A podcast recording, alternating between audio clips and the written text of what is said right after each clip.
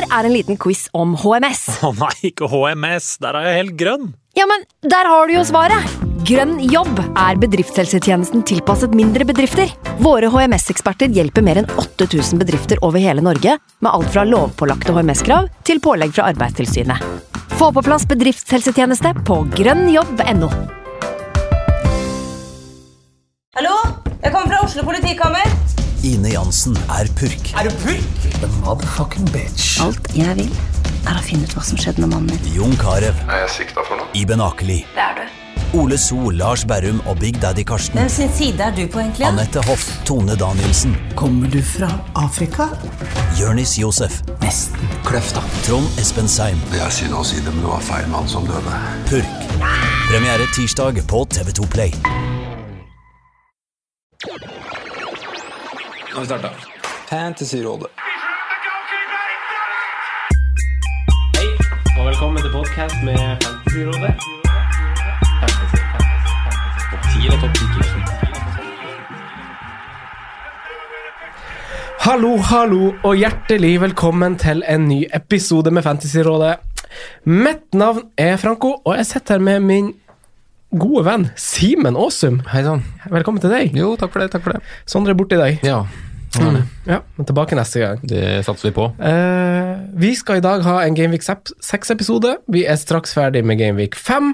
En runde hvor mitt Arsenal tok imot 23 avslutninger i andre omgang fra 20.-plassen i Premier League. Hvor Pochettino kanskje fikk bevisst at et stengt vindu og arbeidsro var nøyaktig det han trengte.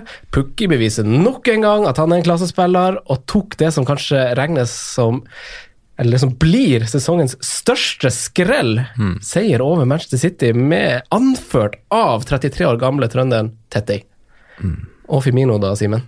Å, herregud. Altså, sånn som han driver og spiller fotball om dagen, så går jeg rundt småkåt hele tida. Vi har med oss en gjest i dag. Det har vi. Ja. En veldig blid og fornøyd Ja, kar. apropos småkåt. Ja, ja. Hjertelig velkommen, eh, Martin Sleipnes. Hei, hei, hei, takk, takk, takk.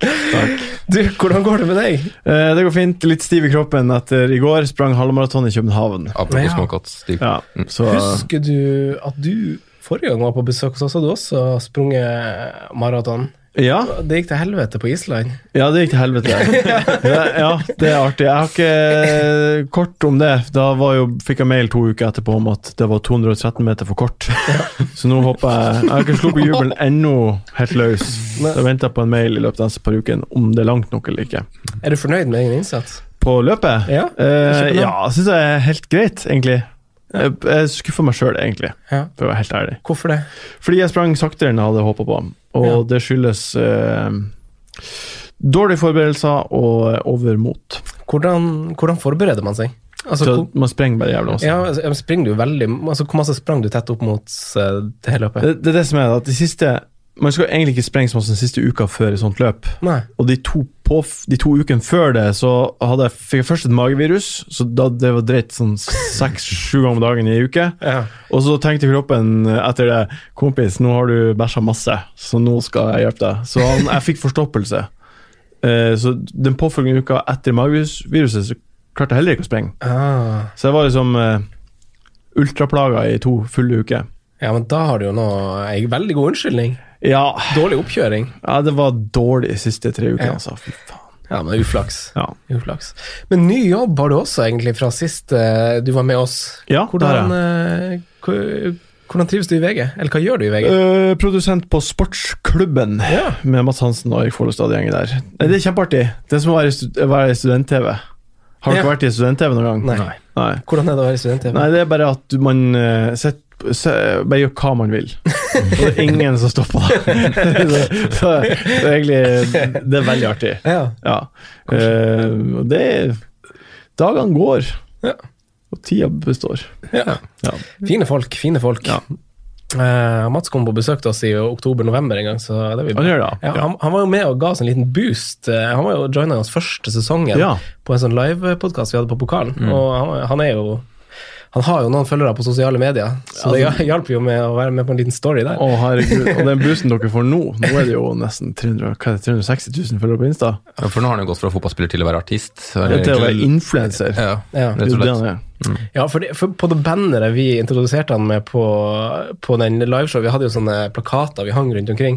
Og Der står det jo eh, 'Med Mats Hansen, moromann og fotballspiller', står det på det. Ja, Så ja. for noen steg han har tatt. ja, det kan du si. Ja. Du Martin, Ja. hvem syns du er kjekkest i Premier League? det er artig spørsmål. Nei, det blir jo Ja, vi tar det litt spontant her nå. Jeg tenker på deg, så tenker jeg, eller når jeg ser det, så tenker jeg på det spørsmålet. Ja, det skjønner jeg godt. Uh, Nemanja Matic. Lookaliken din. Ja, Matic Sleipnes. Utrolig kjekk. Vet hva, det skjønner jeg ikke. Folk sier det til meg regelmessig, og tagger meg på Instagrammen hans. Å ja. Ja, Martin Slepnes er det. Jeg syns ikke jeg ligner så masse på Nemanja Matic. Jeg syns du ligner ganske masse men noen uttrykk han har, Ja, så kanskje. ligner du litt. Når han er sliten etter å ha løpt halvmaraton i København. Kanskje? Kanskje? Ja, altså, det er, det Nå holder Simen opp Mac-en sin, for, eller Huayen sin. Ja, det er- ja, ikke noe Mac her. Han skal ikke ha det alle andre har han Simen. Eh, nei, for nå er han, han er jo foren, han eh, Lorente. Han er jo ikke Ja. lenger i Premier League. Det var min go to, men han er ikke Ja. det. Eh, Det er et vanskelig spørsmål, altså. Det er umulig. Ja, for jeg tenkte på det i går, for da satt jeg og så Arsenal-Watford. Og da sa samboeren min, eh, da, da Watford skårte og de drev og feira, så sa hun Hadde han der si? Kapoe, han var Nei. ganske kjekk. Ja. Ja, så da tenkte jeg liksom, nå har han gått, øh, men så på, på lørdagskvelden, eh, litt godt ned i rødvinsdunken der, så tenkte Ja. jeg liksom på Ben Chilwell og Fabian Scheer, kanskje. Ja, men, Men, eh, nye spissen til Brighton, Nimo Pai, er jo Ja. Det er kjekkas. Ja, kanskje det. Jeg heier på Chelsea, så sier Mason Mount. Ja. Ja, Han er også sånn- det er en fin gutt. Rå, rå fyr. Ja. Vi skal snakke mer om Mason Mount òg i dag, Ja. tenker jeg. Ja. Men øh, Emil Gukild han spurte jo faktisk på samtlige plattformer, bare for å sikre seg at spørsmålet ble tatt med, tror jeg. Ja, det overrasker meg ikke. men, men han spør om du savner han. Herregud, Emil. Om jeg savner han? Ja. Ja, det gjør jeg selvfølgelig. ja, hvorfor det? Nei, for han er jo en eh, Han er jo en eh, fyr som bare er utømmelig for ideer. Enten det er noe han har sett, eller det er noe han finner på sjøl. Så det er en sånn deilig fyr å ha med på laget. Åh, det ser jeg for meg. Ja, Bare spruta ut eh, fra hodet hans. Ja. Så du har bare gode ting å si om Emil. Ja, så er det egentlig veldig det var veldig fint. Jeg hørte jo når han var gjest her, og det stemmer jo. Vi satt jo og prata mye fancy Ja. på jobb, og det er veldig fint. Så jeg liker jeg veldig godt. Ja, det er veldig trivelig med sånne kollegaer du kan Ja, snakke det er altså ikke bedre. Eh, han, eh, apropos fantasy, han Håkon Lange spør hvor mange meldinger du får hver uke om å gi råd til andre sine fantasylag. Eh, det er Oi. Eh, kanskje, kanskje 20 forskjellige folk Oi. som regelmessig ukentlig spør meg om ting. Ja. Ja. Det, det er sånn tricky, for du klarer ikke å svare helhjerta hele tida, da, eller? Jo, jeg må jo det. Ja, du, ja, for det er jo det du føler du må, men klarer du Altså, det blir jo slitsomt. Ja, det blir slitsomt, men det, eh, det er jo et eh, tveegget sverd det der, der, fordi alle svarene jeg gir, er jo ut fra mitt perspektiv. Ja. Ja, det er jo sånn jeg, jeg, jeg evner ikke å sette meg inn i eh, trøblene du har, men jeg ser at du har han, han, vil, han har ikke jeg, fordi jeg vil ikke ha han. Han bør ikke du ha på ditt lag. Så det er veldig masse sånne, sånne type svar. Cheballos, for eksempel, skal jeg ha han på? Det syns jeg også er det vanskeligste måten når vi har podkast, å klare å sette seg inn i på en måte, andre sine situasjoner. Da. For du, du prater jo ut fra ditt lag, det er jo sånn du står, det er jo sånn du tenker når du liksom sitter og trykker og ser på ditt lag. Ja, det er eneste måten å forholde seg til det på. ja, selvfølgelig har du ikke mitt lag, for Nei, altså, selvfølgelig har du ikke et perfekt lag, for da hadde det jo vært mitt lag. Det blir jo litt sånn, ikke sant? Så, Ja, altså. Mitt lag mener jeg er Ja. det beste laget. Ja. Det burde du ha. Ja. Så man prøver kanskje heller å være litt sånn hjelp til selvhjelp, da. Altså, man prøver jo å Tenker jeg. Ja, ja, jo. Jo. Altså, du, jeg, jeg er veldig ukomfortabel med å gi ut det jeg mener sjøl er fasit noen gang når en god Men, men du blir tvunget til det. Ja. I podkasten her så tvinges man jo til det. ja. Ja. Stikker. Men du, du har jo en, kommer jo fra en veldig sterk sesong. ja. Eh, det gikk jo fryktelig bra. Hvor, hvor endte du til slutt? Og- Jeg endte på 7000.-plass.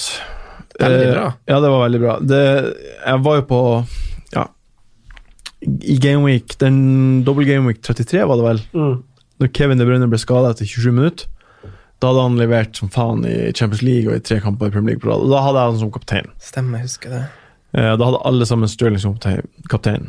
Eh, Stirling leverte ikke bra, og jeg hadde Stirling, Mm. men det var på en måte starten. Det var den siste runden. Etter den så hadde jeg bare røde piler. Ja, Og da var jeg på 129. plass. Men du gjorde et par rare grep der, gjorde du ikke det? Altså, jeg husker noen ganger jeg tenkte at her var jeg litt, litt sånn Det, det var litt sånn overraskende. Det var noen Gylfi-greier der, og Ja, det var i eh, nest siste gameweek, Ja. og da tenkte jeg skal, skal jeg klare å ta igjen uh, han jævla Einar Tørnquist i Humaniørligaen, Ja. så jeg er nødt til å jeg er nødt til å gjøre noe annet enn han gjør. Ja.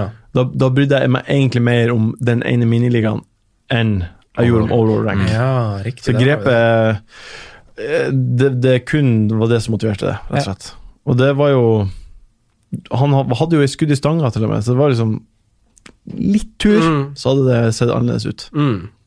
Hvordan, eh, hvordan retningslinjer var det du satt for deg sjøl da, som gjorde at du Altså, hva var suksessfaktorene føler du gjennom sesongen? I forrige sesong Det var egentlig eh, hver, hver, hver sesong jeg spiller, så har jeg et par sånn Jeg får et par oppvekninger. Eksempel den første gangen i en sesong man tar et hit, og det skjærer seg. Den du tar ut, burde du ikke tatt ut, og den du tar inn, leverer ikke. Og da tenker man, da får man den der Faen, altså, jeg skal ikke ta hits. Mm. Og jeg fikk eh, de oppvekningene tidlig. Ja. Eh, blant eh, Sånn som Kane-kaptein mot Cardiff i Game of 7 eller noe sånt. Mm. Eh, så etter det så slutta jeg å ta hits. Tok nesten ikke hits i fjor. Jeg hadde kanskje tre eller fire hits, og så tok jeg alltid den kapteinen jeg trodde var best. ja. Uh, og, det, og det gjorde Det var et par sånne gameweeks som var der det klaffa fullstendig. Det var en runde der Abomayang hadde Burnley hjemme, mens uh, Sala var hjemme mot uh, Westham eller noe sånt. Og alle tok Sala. Mm. Altså, av Twitteratet så hadde jeg 99% Sala, Mm. så hadde jeg Abomayang. Mm. Ehm, som hadde målet sist, og sendte meg lenger unna de som var mine konkurrenter. Mm. Og det var sammen med Aguero i den perioden han skårte hat trick mot uh, Chelsea. og og Double game-weekend så kjørte jeg Aguero kaptein istedenfor Sané, som mange gjorde. Ja. Så det, er- det, var, det, var, egentlig, det var egentlig det. Mm. Ikke nødvendigvis så mye statsbasert, men det var bare at jeg kjente at han her Nå tror jeg han er best. Mm. Ja, det er jo kremdeilig. Hadde du Aguero som kaptein forrige runde? Eh, nei, jeg har ikke Aguero. Nei. Uh, hvordan, har det, hvordan har det gått så Nei, langt? Det er jo Jeg, jeg ser på Jeg tar ikke hits. Nei. Ser på laget. Er jævla fornøyd. Mm. Men det går dårlig. Ja. Jeg røkka ned fra 700 Nå er jeg på 42 poeng, har Aller igjen i kveld. Mm.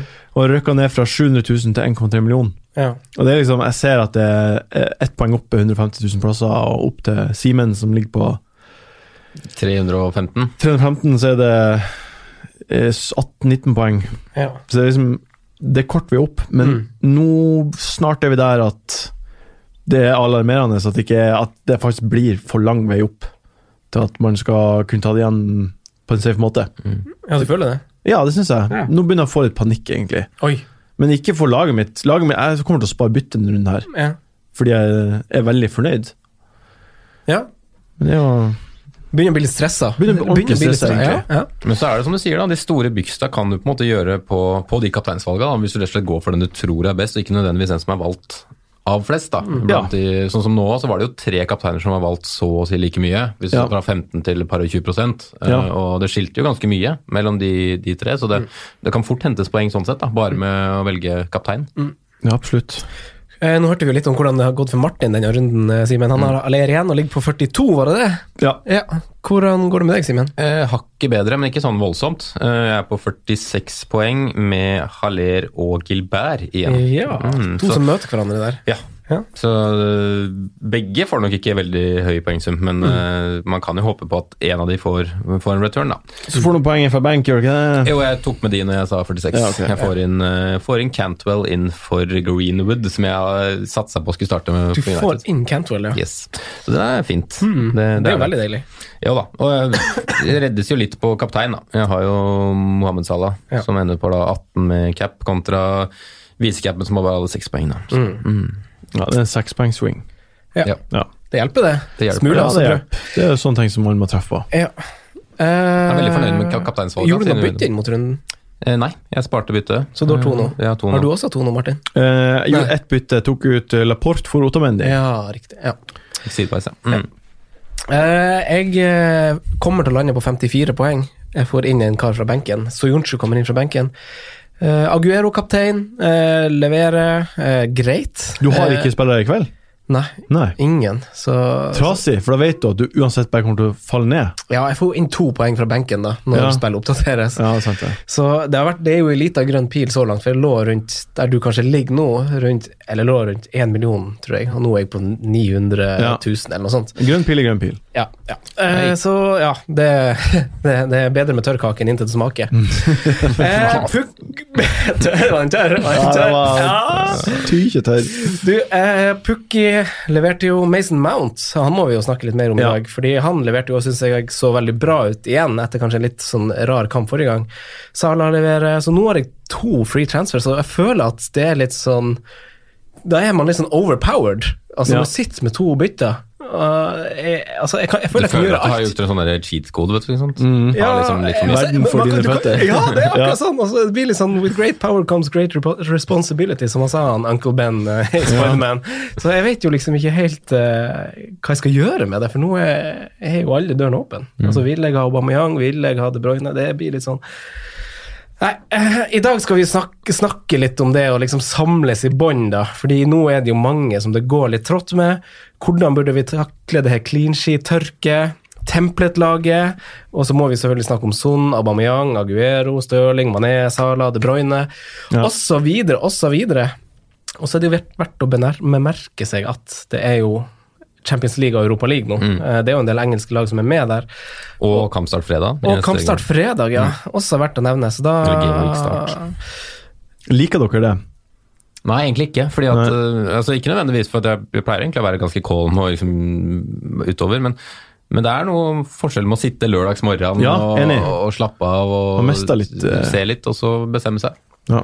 Den der øh, bestemme seg på fredagskvelden, kanskje etter et par kalde, det Nei, jeg liker ikke det, altså. Eh, men Sondre er ikke her i dag for å bli med på synsundersøkelsen, som har vært eh, en, eh, en eh, Det har gått bra med dere, Simen og Sondre. Mm. Eh, men jeg vet ikke om Martin er klar til å finne Jeg har i hvert fall to backup-spillere som jeg kan steppe inn for han Sondre med. Ja. Men har du noen spillere, Martin, som du føler du kan dra opp av hatten på den spalten? Um, eh, jeg syns jo Altså er spørsmålet nå, bare så jeg forstår det helt rett Spørsmålet er er det noen spillere jeg har sett på som jeg syns eh, Som burde Som, ja, som så veldig god ut i som, helga. ja, som man burde Som nødvendigvis ikke leverte. Ja, det Ja. kan det være. F- f- jeg så to kamper i helga Ja. på grunn av at det var i København og Ja, sprang. riktig. Så jeg har egentlig ikke så godt Jeg har egentlig, jeg har egentlig ikke skikka til å svare på det her. Nei. Jeg har, jeg har sett highlights, men jeg føler ikke det er- Det føler jeg ikke er nok. Nei. Kan ikke du ta det her? ja, men det var et bra svar. Skal ikke sitte der og lyge, du. Nei, det er ikke interessert i. Ikke finne på ting. Simen, hvordan eh, dra en eh, fyr opp? Ja, jeg kan først gå til lag som kanskje var rundens nest med mest overras- overraskelse. Det er jo at liksom Watford er litt tilbake igjen. altså Det var litt glød og, og sånne ting. Og der har vi en skuddvillig mann. Tom Cleverly, som faktisk fikk seg en goal. Han, Han han skøyt og skøyt og skøyt, og skøyt, han, og han var hissig på ja, Jeg syns han var rimelig farlig mot, mot Arsenal. Han spilte i tier, han. Ja, han gjorde det. Og det er jo litt sånn bemerkelsesverdig, men jeg, om det blir masse poeng framover, det er jeg, ser Martin også er veldig skeptisk Ja, til. det, det var en av kampen jeg så. Men han var heit, altså. Han var, han var heit, men ja, samtidig så er det jo Det er Tom Cleverly, ja. Det er Tom Cleverley og det er Arsenal som er helt forferdelig. Andre omgangen var jo helt, det var helt jævlig. Ikke og første gang også, egentlig. starte på de greiene der. Så jeg, jeg, jeg, jeg vet ikke om det skal avskrives at Arsenal var elendig, eller om at de fikk ny ny, ny, trenerboost. eller hva det er. Det er jo i hvert fall en effekt av hva som ble prata om i pausa. fordi kom, Selv om Arsenal på en måte er dårlig andre gang, så kommer de ut i 100. Altså De hadde ikke hatt 23 skudd eller hva det var på en omgang hvis de ikke hadde vært på. Nei. Uavhengig av hvor Nei, det er svakt, mot, mot svake motstanderen var. da. Det er sant. Det er jo helt sjukt at det ikke gjøres grep fra benken når, man, når det blir gjort fire-fem brudd på rad på sånn kort igangsettelse. Hvor, hvor, hvor Watford tre, nei, altså fire-fem ganger på rad vinner den ballen på 20 meter og inn. Da er det jo dømt til å skje en gang. at du- etter den goalen, da, så må det jo på en måte Ja, men det var jo før det, så, så hvorfor liksom sier ikke han Emery slutt med det, vi må Polen og Lange, de står jo dødshøyt, Watford. De, vi, altså, Men de, de vinner Ja, det er jo ikke en. Arsenal-pod, men de vinner jo ingen dueller uansett. Men eh, eh, angående tema. Jeg, jeg, jeg kjente i hvert fall veldig sterkt på antisynstesten Ja. på f.eks. Zinchenko. For den Ja. kampen så også i sin helhet. Ja. Han syntes også var fette dårlig. Ja. Og det kan sånn, spalten brukes til. Den brukte vi sånn halvveis på, på Ja. Rashford etter landslagspause, så den er på en måte det er helt Ja. fair, syns testen, ja. Mm. ja. Ja, men fin den. Har du flere på Det den? er min eh, Altså, øh, jeg syns ikke jeg synes, Madison er på min synstest. Mm. Den kampen så Tre kamper så jeg. Ja. Jeg syns Madison var veldig god for andre eller tredje kamp på rad. Ja. Jeg syns han var god hele sesongen. Ja, han, men det, det må jo løsne for han Mm. på et eller annet tidspunkt. Vi sa det jo egentlig hele fjor også. Jeg syns han egentlig han fikk underbetalt i fjor. Selv om Ja. han endte jo med var det rundt 14 målpoeng, tror jeg. Ja. Så, men jeg føler at potensialet der er mye høyere enn det han faktisk får vist. Ja. Har du flere spillere, Simen? Eh, Jeg har en til. Han fikk også en god del poengsum, men det var også en mann som ble nevnt av Kasper Vikstad før vi gikk inn i studio her, Emi Bundia. Ja. Han øh, har faktisk skrevet seg på som det tredje alternativet du kan ha fra Norwich, offensivt. Ja. Men øh, Ja. han er jo fort vekk den beste fotballspilleren i det laget der, da. Nei, det er Pukki. Nei. Det, Så du den jo, jo, jo, kjappen med når han finta ut Maitland Niles? Nei, var det det? Var det Maitland Niles? Nei, faen, Nå. hva jeg snakker om nå? Nå Nå. snakker jeg om uh, Raheem Sterling. Mm. Ja, når det ble offside, eller hva det var. Han er liksom, dirigerer, styrer, finter, leker seg og, og trer igjennom. Så jeg, jeg syns han var fantastisk. i Ja. Han er en god server, han tar dødballer. Så um, det kan fort hende at vi får en litt annen balanse, men samtidig også. Det er tre mann nå som virker å være i god form offensivt, og de kommer til å stjele litt målpoeng av hverandre også, selv om de nå kanskje har fått en voldsom boost og veldig mye poeng, poeng til nå, da. Veldig bra. Jeg har skrevet ned to spillere som jeg eh, egentlig syns eh, var greie, og det ene er han Delofeu. Som er jo litt sånn der eh, troll, egentlig, i Ja. FPL-øyemed. Men han, nå har han sunket til 6,2.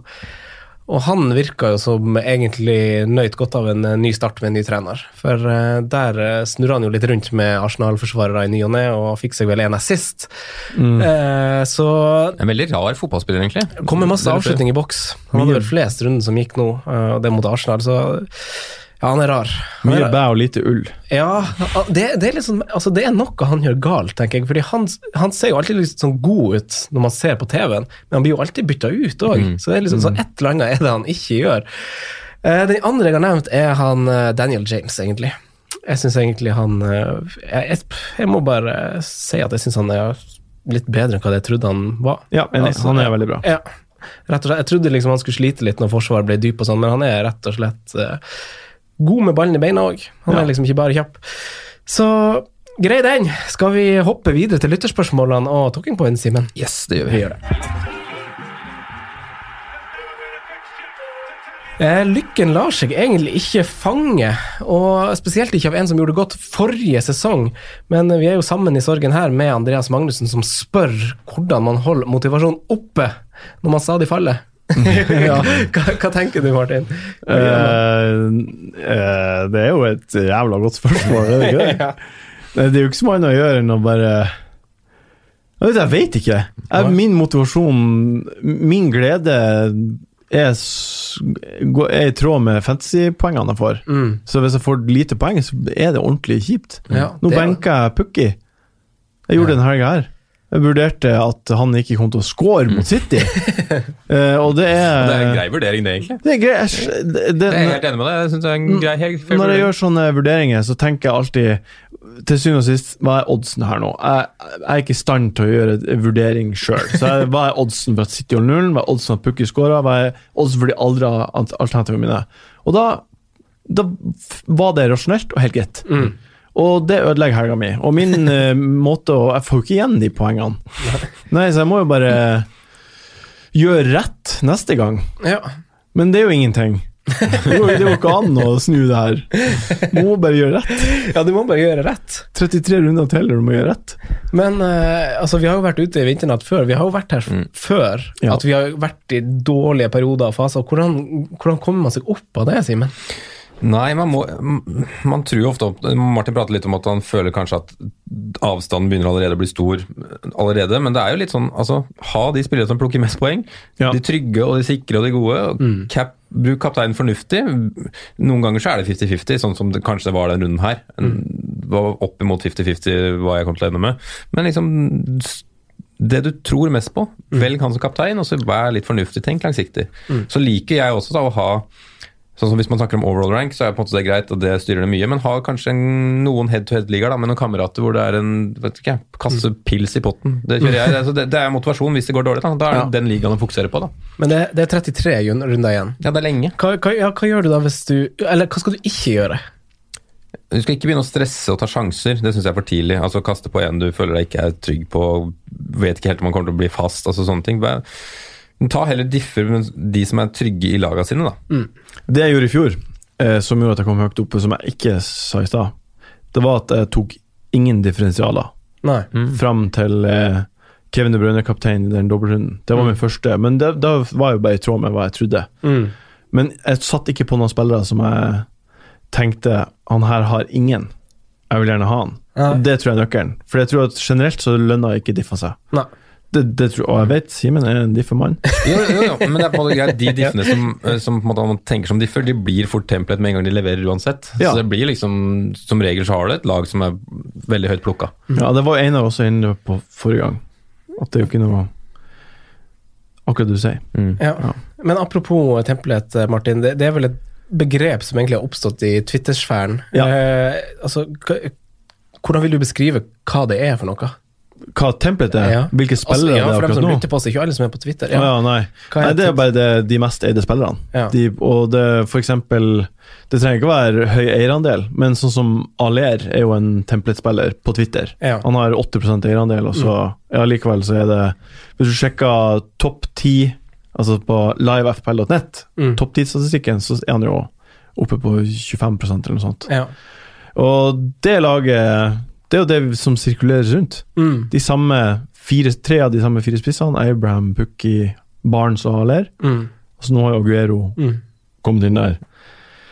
Det er templet-laget. Ja, ja, rett og slett. Og da lurer jo i forlengelsen på det Jon Thomsen på om, om, om man ignorer, at man er litt for blind på å liksom strekke seg mot det såkalte template-laget. At man ser seg blind og ignorerer spillere som Aubameyang, Hyung-Min Son, eh, Firmino kanskje, hvis vi kaster han på. Altså andre spillere som leverer, men som rett og slett snakkes for lite om, Simen. Ja, det gjør jo det. altså Det er åpenbart. I hvert fall nå som Nå ble det jo litt prat da, rett før deadline med tanke på at Lacassette sin skade også mm, kom, da. Men det er jo åpenbart at de to har vært litt i glemmeboka når du ser hva de leverer nå. Så har det liksom vært, vanskelig med oss med sånn, da, som var ute de Var det de tre første, eller var det to første? to første. Ja. Og liksom da har du satt et lag, og så skal du begynne å Du kan liksom ikke ta ut Raheem Stirling etter to runder heller, når han starta sånn som han gjorde. Så han var en vanskelig mann å få inn på laget. Men åpenbart at han har vært snakka for lite om f.eks. For, for de som har tatt wildcard. da. At ingen har vurdert øh, den godeste sørkoreaner. Mm. Hva føler du, Martin? Føler du at folk altså Hva er grunnen til at ser folk for mye på hva andre gjør, og leser tips og bruk altså, hva, er, hva er grunnen til at man strekker seg mot et sånt template, og ikke Ja, jeg, jeg vet bare ikke om jeg er så enig i han. Jeg føler at grunnen til at jeg ligger ikke har, gjør det bra, er at jeg bare ikke har de rette. Jeg har jo template-spillere i laget mitt, men jeg har ikke de rette. mm. Så jeg har ikke Abraham, for eksempel.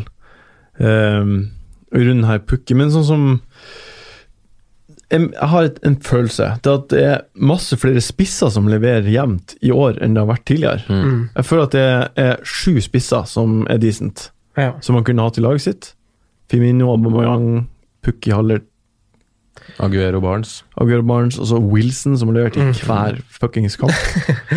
så jeg, jeg, jeg syns at eh, For meg så virker det som at templet ikke har vært så viktig i år. Det er timinga som er det viktigste. Det er timing på hver og en man Ja. tar på. Og så var det jo en, en veldig hype på forsvarsspillere, dyre og Ja. mange, uh, som man også har på en måte bomma på. da. Og jeg tror veldig mange av de som føler kanskje har fått en sånn medium minus, eller minusstart, kanskje har lagt for mye i det. da.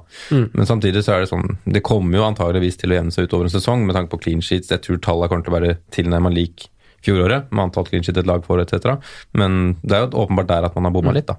Så dere tallene om FPL Chris tagga dere i? Ja, det her er litt sånn, litt sånn artig, fordi jeg satt og jobba med akkurat det samme da Ja. han skrev det, og vi kan jo, altså vi skal snakke med Han gjorde jobben for deg? ja, han gjorde, han gjorde for, altså Jeg hadde starta, jeg kan ta det jeg hadde starta med, så kan vi bru- bruke han Chris i, i forlengelsene. Så går vi over på de offensive spillerne litt senere. fordi Sett over de første fem rundene har det blitt åtte clean sheets innad i topp seks-lagene. Så åtte clean sheets på 30, for hvis man sier det sånn. Ja. Eh, Det tilsvarer 26,67 Mm. Eh, Resterende lag eh, er det 13 clean sheets spredd utover de, og det er da før Westham-kampen i kveld. Så skulle en av dem holde en clean sheet, så er det oppe på 19 clean sheets på de andre lagene der. Så FPL, Chris, han kommer jo med god info i den tweeten, som du sier. Eh, og det må jo folk faktisk sjekke ut, for den er jo ganske fin. Og hvis man ser på historikken i Premier League, clean sheet-historikken, så forrige sesong lå den på 27,2 mm. men sesongen før 29,7 Og jeg satt og regna det ut uh, i går kveld at så langt denne sesongen er det 21,43% så det er jo atskillig lavere, og aldri vært så lavt clean sheet-antall før. Men det er jo bare basert på fem runder, det er ikke en helt, hel sesong. Eh, for vanligvis har det ligget mellom 25 og 30 clean sheets siden 02-03. Så avviket ligger jo faktisk åpenbart i topplagene. Det er dem som svikter. De har færre clean sheets enn normalt, og det blir også snakka om i Fantasy Football Scout at det er litt unormalt, for vanligvis har gode lag med god clean sheet-historikk blant topplag tatt det med seg inn i en ny sesong, men det er ikke tilfellet i år. Nei. Så hva tenker dere om premiumforsvarer? Hvor, hvor mange bør man ha? Ja, det, jeg syns det er et veldig vanskelig spørsmål. Men jeg føler jo også man skal prøve å være litt, um, litt tålmodig her, da. Jeg føler faktisk det. Um, men det er også Det kommer jo opp noen sånne alternativer hvor du kan spare penger også. Det er det som har liksom også gjort det litt sånn vanskelig. Sånn Adrian, Otamendi for eksempel, eller, Ja. eller Stones nå. altså Stones og Otamendi er ikke noe dårligere valg enn Laporte så lenge de spiller. fordi det er ikke så mye målpoeng i Laporte heller. Det, så det er liksom Altså, clean, clean sheet er jo biffen her. Ja. Om de har målpoeng, det, det er sausen og potetene. Ja. Ja, det er biffen vi vil ha. Ja. Ja. Det er akkurat det. ja. Hva tenker du, Martin? Nei, jeg syns det er forunderlig. forunderlig. Det virker som at Jeg er ingen fotballekspert, men kan det være at det er så mye gode spillere i Premier League at det kommer til å skåres flere mål? Eh, Ja, er det så enkelt? Jeg tror det, også det, det er en det, er liksom det det koker ned til hos hos meg. Jeg tror det er en utvikling i generelt i veldig mange av trenerne som blir ansatt, i båndlaga. Altså du har trenere som er fremadstormende offensive. Ja. Generelt i dårlige lag. Du ser Brighton gå fra Huton til uh, Potter. Altså, Det er utvikling hos veldig mange lag da, at mange, vil, mange flere vil underholde. Ja. Jeg kommer nok til å sakte, men sikkert eh, Jeg har hatt fire dyr og en belly. Jeg kommer til å ende opp med tre dyr og en belly Mm. om et par runder. Ja. Fordi jeg, jeg tror ikke Så lenge trenden er som den er, så må vi respektere det Mm. og komme oss vekk fra dyre forspillere. Ja. For jeg tror Ja, jeg er også inne på det å flytte midler fram, og jeg tror jeg kommer til å være med to. To dyr, egentlig. Ja. Og flytte resten fram, rett og slett. Jeg står jo med fire billige og én dyr, jeg nå, så det er jo Forut for din tid. Men jeg kommer nok også som dere jeg, som, ja, jeg kommer til å flytte penger ned igjen ganske snart. Men jeg, bare, jeg hadde egentlig tenkt å kaste Aguero nå, men det tør jeg jo ikke nå. Så vi får se hvordan det- det løser seg. Men jeg må få på en jeg kaller det premium til, da. Defensivt. Det må jeg. For, for de som ligger med to Liverpool-spillere bak fortsatt, da. Ja. Hva gjør dem? Det er, det poenget som jeg egentlig begynte på i stad. Der vil jeg faktisk ikke stresse. Men det er mange som er veldig uenige med meg der, sikkert. Men det er fortsatt laget som har sluppet inn minste mål. De er tredd lavest på expected goals against, og jeg føler på en måte de målene som har kommet, har vært utrolig billige, og jeg tror det jevner seg mer utover tid. At clean sheet-antallet kommer til å bli veldig høyt til slutt. Og Samtidig så ser du både Robertson og Trent er fryktelig nære skåring i den kampen her. Ja. Og da hadde det sett helt annerledes ut. Men så har man jo spillere i samme prisklasse offensivt som leverer. Mason Mount, Pukki, de koster det samme, ikke sant? Og Westergard er jo forsvareren som har mest poeng. Eh, 17 spillere har like mange poeng, eller flere enn han. Han er forsvareren som har mest. 23 spillere, eller like mange, har mer poeng enn Trent. Så Alexander Våge Nilsen han eh, lurer jo på hvordan, hvor, altså, hvordan billigforsvarere kan man se til. Og, altså, hvis man først skal begynne å kikke mot det billige, da, hva tenker du der, Martin? Jeg syns at det må jo være Skal man ta billigforsvarere, så syns jeg de, de beste alternativene er de billige Otamendi og de Mm. guttene som starta i, i gode forsvar. Vi tror han får fornya tillit etter, eh, Ja. etter han sovna av i timen der. Ja, tror det, altså. det tror jeg. Jeg ser ikke hvem andre som skal spille der. Men eh, utover det så eh, er det jo Da må man tilbake et par år i tid og gå for de her grindelagene som holder clean sheet hver tredje kamp regelmessig, sånn som Brighton-forsvarere og Burnley-forsvarere. Og kanskje til og med Newcastle. Hvis Ja, man er jeg skulle til å nevne det. Jeg Ja. synes det, er nesten de som virker å være det laget som skal prøve å tette mest igjen. jeg. Ja, men jeg, jeg, jeg, kjenner, jeg kjenner ingen plass at jeg har lyst til å Til å ha noen av de på, Nei. av en eller annen grunn. Jeg stoler ikke på det. Men det er vel kanskje det som er veien å gå nå, at vi får på de fire og en halv guttene, og så, så pumper vi inn pengene framover og spiller 3-4-3, sånn som vi alltid har gjort. Ja. ja, for det er jo altså, det, det jeg tror han Alexander, eh, som jeg håper vi får som gjest igjen, Oh. eh, det jeg tror han eh, lurer på, er jo at, eh, at han har kanskje to premiumspillere, for han ser etter å rullere på den tredje plassen eh, i Forsvaret. Eh, og altså, hvis man ser på offensive stats, så er det jo, det er jo tre stykker som skiller seg litt ut, og det er jo han Trent med ganske god margin, og så eh, etterfulgt av uh, Robertson og Digne, egentlig. Ja. Uh, ellers er jo billige forsvarere vel så bra hvis man kun ser på, på stats. Uh, og jeg, jeg prøvde liksom å finne en rotasjon. men Jeg syns det var dødsvanskelig. Hvis du ser på Prøvde liksom å se på lag som har tatt mot masse skudd i boks og har, har, uh, har hatt mange store sjanser mot seg. Der har vi Bournemouth som har mest, med 16. Og så prøvde jeg å se på de lagene som har minst store sjanser mot, som er United og Leicester, som har fem. Uh, og Da er de etterfulgt av Burnley, Palace, Liverpool, Tottenham og Brighton. Brighton har åtte, så det er liksom mellom fem og åtte på de lagene der. Og så må man se igjen på hvem de har møtt. Eh, Ja. Brighton har jo møtt eh, City, f.eks., og Palace har møtt Liverpool. Det, det er litt sånn Eller sa jeg feil nå? Nei. Ja, men de har i hvert fall møtt eh, City og, og Liverpool, mange av de lagene her, så det er ganske, ganske god data, Du egentlig. må, nesten, altså, du må nesten stryke ut de lagene når du tenker sånn, for du, du, det er ikke da du skal spille dem. Altså, du skal ikke spille, Vi, vi sier at du har Lundstrøm, da, så skal du ikke spille han når han møter City på Etiad. Nei. Men du kan spille den i relativt mange andre kamper, så du, de tallene mot, som du sier, da, mot de store lagene er egentlig bare stryke, og så Ja. se på hvordan de leverer kanskje da mot bunn 16, da, Ja, eller bunn sant? Og da er det jo veldig bra tall for, for de lagene der. Og, og skudd mot i boks, så er de liksom Der er City, som selvfølgelig tar mot færrest. Leicester igjen. United, Everton, Liverpool, Brighton og Chelsea. Så det er jo av lag som tilbyr 4,5-forsvarere, som gjentar seg i begge statistikkene, så har vi Leicester og Brighton. Og så kan du si nesten Pelles og Burnley, for de er i én hver, og så er de nesten i, i den andre pollen. Og så Lundstrøm også ok. Ja. Men det er vanskelig å finne en god, god rotasjon som roterer. Altså, og du se- ser, eh, hvis du roterer f.eks. Leicester, Lundstrøm og Brighton, da, så Jonsju på Leicester, så, så får du Newcastle eh, to kamper på rad, så får du Watford og Burnley, og så har alle en OK kamp i runde ti.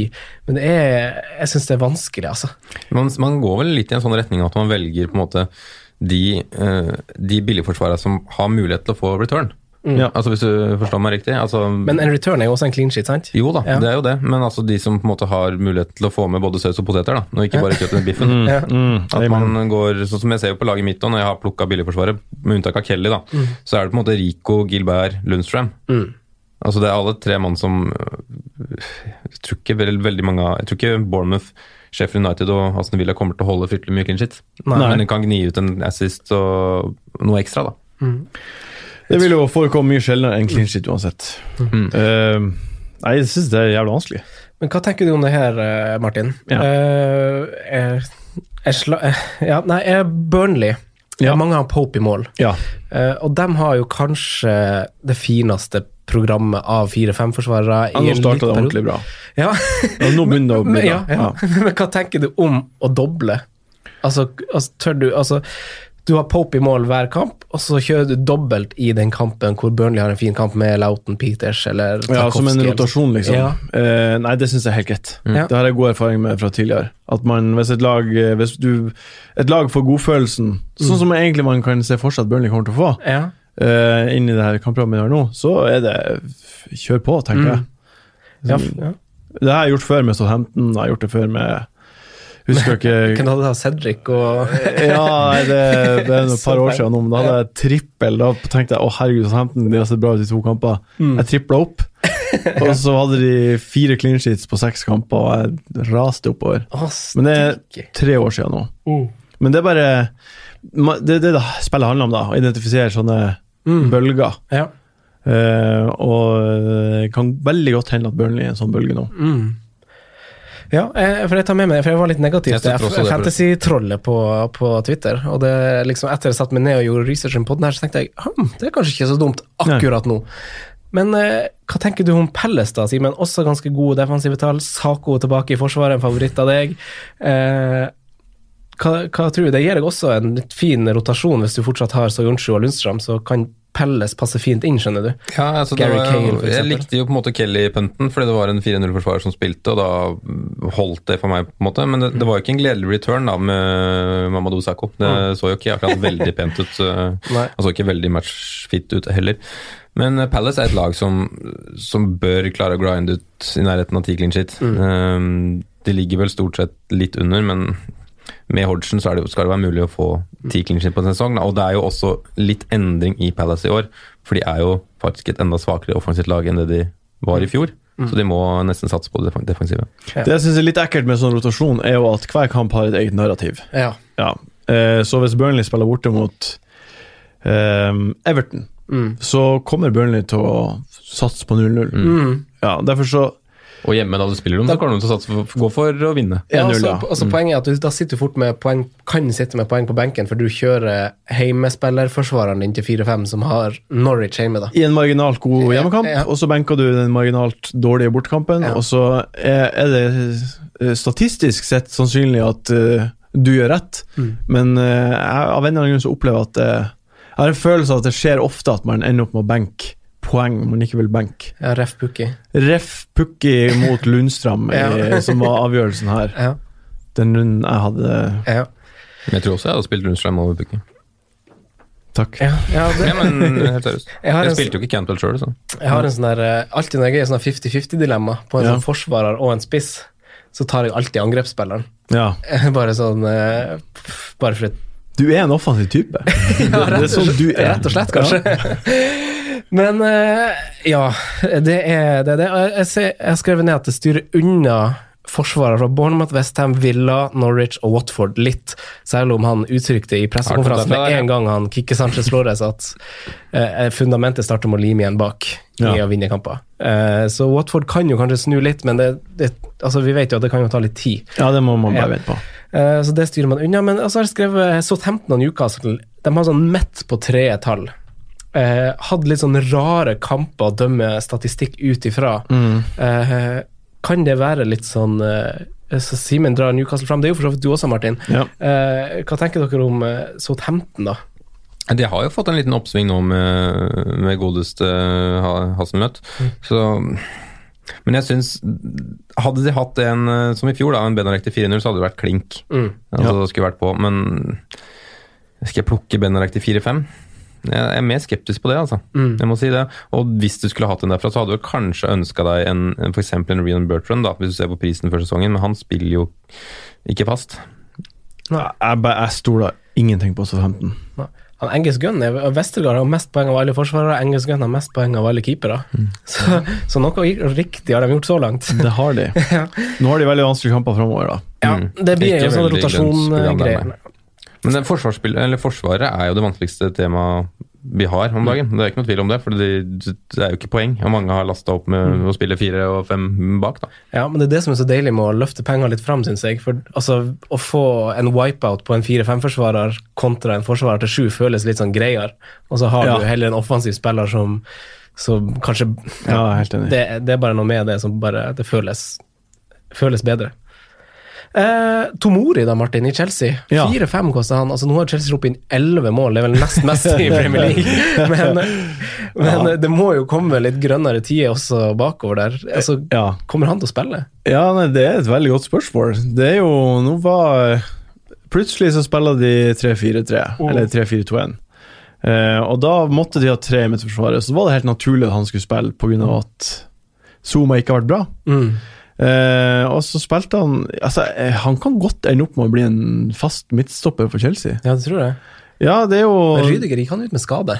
Eh, ja, han satt med ispose, og Ja. jeg tror egentlig det var første kampen hans på veldig lenge. Mm. Og det var mer en sånn Vi safa det litt fordi vi leda 2-0 til pause-situasjonen. Ja. Eller 3-0 var det vel. Eh, men jeg tror at eh, oss, å drive og ha Chelsea-forsvarere, da har du det kun for at det, det er Chelsea som de spiller for. Mm. Så det vil, det vil jeg bare ikke anbefalt i det hele tatt. I hvert fall ikke nå, med Liverpool hjemme til helga. Men uh, ut, Det er jo veldig fint etter det, da. ja, det er fint etter det, men fram til de ser solide ut, Mm. så, så er det bare å styre unna. Sånn som med Arsenal. Maitland Niles og sånt. Bare drit i det. Ja. Ja. Men med en gang de ser bra ut bakover, så er det bare å kjøre på. Jeg satt og lekte meg med Maitland Niles inne på draftet mitt i, i pausa på Arsenal-Watford. så det var pluss- Plutselig så var det sånn Nei, skjer Nei, ikke. de, har- de har sluppet inn til flest skudd av alle lag. 99 skudd på fem runder har de sluppet til. Tenk det! altså. Snitt på 20 skudd per kamp. Det er jo, altså, det er jo helt sinnssykt. ja, det er helt sjukt. Altså, noen av spiller mot sisteplassen i Premier League og tar Ja, imot så masse skudd. Altså, hva var 28-7 eller noe sånt i statistikken? det, Det er sprøtt. Det går ikke- er. Eh, men en annen del av Nord-London, der er det jo en annen kar som heter Serge Aurier. Mm. 4,9 koster han nå. Eh, han fikk 9 av 10 eh, på børsen i The Independent. Eh, oi, oi. Har vel en assist eh, til Son der på helvolley, og så har han en assist på, på et selvmål. Ja. Uh, hva tenker vi om han? Altså, Davinson Sanchez kan ikke fortsette å spille høyreback. Kyle Walker Peters er skada. Er det her en fin vei inn i Tottenham, nå som kanskje ting har ro, arbeidsforholdene har roa seg litt for Pochettino? Før? Simen svarer nå, så var Tottenham på tredjeplass på den lista. Ja. Over lag som har sluppet inn. De har sluppet, Arsenal er på 99, tror jeg det var, og Tottenham på 82. Mm. Så eh, ja, jeg vet ikke. Har Arsenal, Tottenham og Chelsea samme syndromet? At de bare ikke er til å stole på? Ja, det kan fort, fort være det. Men, samtidig så Jeg vet ikke om det bare er Jeg vet ikke om det er ønsketenkning, jeg tror ikke det er det der heller. Men, men jeg syns jo ikke Tottenham har vært egentlig imponerende noen veier i år, da, selv om de syns de har den klart tredje beste troppen i ligaen og, og sånne ting. Men kanskje det kan roe seg nå, da, som vi har prata om, med at vinduet er over, at de får litt tro på seg mm, og sånne ting. Og, men som du sier, da, jeg skjønner at han fikk eh, høy, eh, høy score på børsen, for han var i de rette posisjonene når Tottenham angriper. angriper. Altså Han var som en kant når de angriper, bredt mens de andre går inn, og så får han to veldig fine assist. da. Mm. 4-9, hvis han skal spille fast på Tottenham, så er det jo nesten sånn at eh, da er det verdt det. Ja, men nå, nå eh, var dere blant de som hadde Kyle Walker Pictures. Nei. Nei. Nei, jeg var det. Og, eh, og, og det er deilig å ha en femmer fra Tottenham i Sett et forsvar. brent barn iblant oss her. Kjempedeilig. Men det var ingen clean sheets. Nei. Nei. Og du hadde Eh, forventa nesten det i enten en av eh, Nei, de to, første to av de tre jeg hadde første. forventa det i hvert fall i to kamper. Ja. Eh, Ja, hjemme Villa, hjemme Newcastle, tenker du på. Ja. Og så er situasjonen den at uh, Kyle Walker Peters var aktuell fordi ingen andre var aktuell. Mens nå er Kyle Walker Peter snart tilbake, og så vet du faen hvem som starta, han og Aurier. Og du sier, det, du sier det så enkelt og greit. Altså, Ja. Det er jo bare å vente og se. Ja. Må ikke bli hissig på grøten her. Nei, men samtidig så er ja, fire, fire Jeg syns det er veldig fin pris, da. Ja. så sit- sitter du der da med han Aurier, og så er, det, så, vei, så er begge friskmeldt. Alle er friske, sier han på pressekonferanse på fredag. Lykke til i helga, da. Da vet du at du får 50% sjanse for at han Ja, det er den følelsen du vil unngå å sitte Ja. med. Du vil unngå å sitte og glede deg til å se Eller sånn, å være, være spent på å se lagoppstillinga, da. Så Altså, start han, start han, please start, please start! Du vil ha Kevin De Bruyne på laget og være helt sikker på at han starter kampen. Det er det er situasjonen du vil være. Godt eksempel. Ja. Nettopp. Eh, Sofie Appelsinjus. Kan Stirling eller eh, Sala ofres for å finansiere f.eks. Aubameyang og Son? Eh, det, eh, vi- altså, vi må jo snakke om altså, altså, Kan de ofres? Kan Sala eller Stirling ofres, Simen? Jeg vet jo at tanken har slått deg. Tanken slår meg egentlig ganske mye. Jeg fristes veldig av å kaste ut Raheem Stirling. Hvorfor det? Eh, Altså, han skal jo sleike linja nå om dagen, da. Mm. Uh, og det vil ikke jeg at fantasy-spilleren Raheem Stirling skal gjøre hos meg. Nei. Da er ikke jeg så interessert i det. Og så er det 12,1 om uh, Hvis man f.eks. I mitt tilfelle da, så er det jo da for å få inn Pierre Emerick. Ja. Og da kan jeg sitte igjen Jeg har to bytter nå. Går Stirling f.eks. Greenwood ut, og så kan jeg få Aubameyang og en midtbane til 5-7. Jeg syns det på en måte det høres, ut, høres ganske fornuftig ut. ja. Jeg må si det. Ja, jeg er enig. s- Altså, han er jo altfor brei. Han var i hvert fall det nå. Ja, i den kampen mot eh, Norwich. Mm. Men hedda, han hedda i stanga. Ja, han har gode tall fra at man bør ha flere assist i Sergio. Ja, og, ja. og uh, det her er- har jeg lest masse om og registrert sjøl, men uh, Sisjenko er en back som går inn, men de kommer til å gå ut. Da kommer Stirling til å gå inn. Jeg er ikke så sikker på om de kommer tilbake til laget der. Tror du ikke? Nei, men ikke stol på synsinga til Simen. Nei. Men- for det her kan jo Men han, Stirling Sancelo skal gå inn hvis han er venstre, kommer til å spille venstreback. Ja, det, jeg, jeg vet jeg aldri sett han før, så jeg har ikke peiling på hvem han er. Men er det ikke litt Er jeg for konservativ nå, eller er jeg ikke helt uh, fjotta til å ta ut Stirling? Franco? Jo, altså, jeg tenker jo Altså, jeg, ser, jeg ser også på altså, Han leverte de tre første kampene, Ja. nå så til de grader til, på, på en måte. Eh, ingenting de siste to, og han har jo sju skudd i boks de siste to rundene. Eh, det er 13 stykk som har flere. Uh, men det er ikke store forskjeller her, for Aguero har flest, han har 11, så det er mange som har 8-9 og sånn. Eh, men de første fire, det er jo der det skiller seg litt ut, hvis man ser på han, for han, da hadde han tolv skudd, og tolv av dem var i boks. Og nå er jo kun av de her sju skuddene han har fått til de siste to rundene, så er jo fire av dem i boks. Ja. Så han har ikke vært like masse i boksen, eller han har ikke skutt like masse i boksen, for han har fortsatt nest flest berøringer i boksen. Det er kun Sala som har mer. Er, men tingen er, hvis du ser på heatmapene, så er det som dere sier, det er liksom Det er ikke rundt straffemerkene i boksen. Nei. Det er litt sånn han kommer inn langs dørlinja der, blir tredje gjennom, og så skal han liksom tråkle seg inn. Men han vil jo aldri ha Heatmap er basert på touch. Han vil aldri ha touch rett foran mål uansett. Nei. Han vil jo det er der han scorer målene sine. Ja. Men tar man ut Raheem Sterling før Watford hjemme? Nei, det er akkurat det, da. Nei, men det er jo helt- eh, Det går jo nesten ikke. Nei, altså Her tror jeg vi må se tilbake på det du egentlig antyda litt i dag, Martin. Det er liksom den her menneskelige sida ved det å se bort fra tall og sånn. Altså Vi vet jo at han plutselig kan begynne å bange igjen. Altså Plutselig står det 20 poeng mot Watford. Ja. Det er jo ikke Men problemstillingen min problemstillinga mi er egentlig ikke om, om, om Raheem Stirling er et godt valg mot Watford, som han egentlig åpenbart er. Problemstillinga mi er om Pierre-Emerick Aubameyang er et enda bedre alternativ Ja. Ja. Mot Villa. til en billigere pris, og jeg kan få en mer aktiv spiller inn i troppen min. Jeg syns alltid Aubameyang er et jævlig bra valg. Ja, ikke sant? Uansett. Og i hvert fall nå som, som Lacassette er ute, så, så tror jeg både han og Arsenal kommer til å bli et bedre offensivt lag. Ja, du tror det? Ja. Ja, han tror, Det så jo ikke sånn ut nå, da. Men uh, han er jo han, han, Men han er Aubameyang han må jo bare støttes. Altså, han, han hadde jo bare to skudd nå, nei, tre skudd nå mot Watford, skårte på to av dem. Og man kan jo vel kanskje argumentere for at han er den beste avslutteren i Premier League ja, ja. per i dag. Ja. Så det er jo bare han, Aguero og Wilson som har levert i alle fem rundene hittil. Ja. Så det er jo Ja. litt sånn rart hvor lite det snakkes, snakkes om han Aubameyang, så jeg skjønner jo veldig godt dilemmaet du sitter i der. Jeg tror det snakkes lite om han fordi veien å få han inn er kjempevanskelig. Ja. Og det, å ta ut Stirling eller Salah Mané for å få det til, det tror jeg er helt feil. Men kan det ikke rettferdiggjøres å ha tre premiums? For nå ser vi jo en del billige spillere som, hvis man kommer seg tidlig på Pukki, Abraham, Mount, de spillerne der, at man har de som supplerer, og så flytter litt midler fram for å få tre dyre. Ja, det er jo, må man jo kjøre the Seaman Awesome way, da. Og Ja. ramponere forsvaret sitt, så får du råd til Kevin De Braune, Stirling Salah og en spiss. Men du trenger ikke å ramponere det fullstendig. Må, ja, Simen. Ja, det, det, altså, Hva du ser jo ikke bra ut, men samtidig, akkurat nå, så, så, så har vi, som vi har pratet om, da, så er jo ikke jeg, får ikke, jeg blir ikke straffa for det, fordi det er ikke noen forsvarere som på en måte straffer meg. Så akkurat nå går det greit, men det kommer jo over tid til å straffe seg når jeg sitter med fire stykker under 4-4. Så snart eh, det blir de strammer igjen Hvis det skjer, da, at de strammer igjen forsvarene, så kommer du til å plages hver helg. Med mindre Lundstrøm skal fortsette å skåre. Ja, sant. Eh, altså, Son, da. Eh, hvis vi ser på, på nye tall her. Kane hadde ett skudd i boks i en 4-0-seier mot Crystal Palace. Vet dere hvor mange touch han hadde i 16-meteren på Nei, for to? to touch i Det er 16-meteren i en helt sinnssykt. Det var vel en XG på 0,03 eller noe sånt. Ja, altså, Spurs hadde kun sju avslutninger i kampen, så riktignok litt godt betalt. Eh, Men eh, hva tenker du om Son, Martin? For han er jo i fyr og flamme. Nei, ja, Son er jo alltid Han er jævla god i fotball, og Men for veldig mange så blir det jo Kevin De Bruyne eller sånn.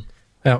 Og nå, Ja, nå er sitter vi etter ei helg der Kevin De Bruyne blir benka, men Son skåra to og har en assist. Er det? Mm, Eller- to mål. To mål. Ja.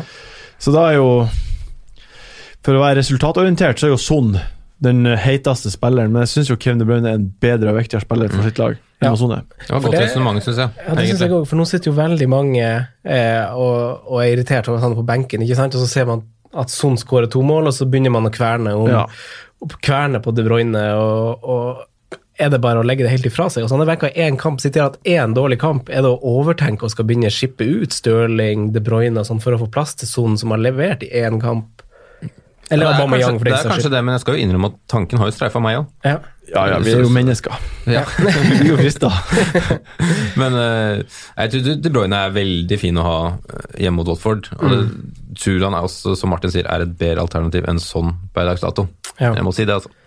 Og hvis det er de to det står mellom, så, hadde jeg stemt lyseblått. Ja, men hvis jeg spør deg da, Simen. Eh, Altså, Firmino, vi har snakka egentlig ganske masse om han. Han var tidlig i synsundersøkelsen som spalte Gameweek 2, tror jeg.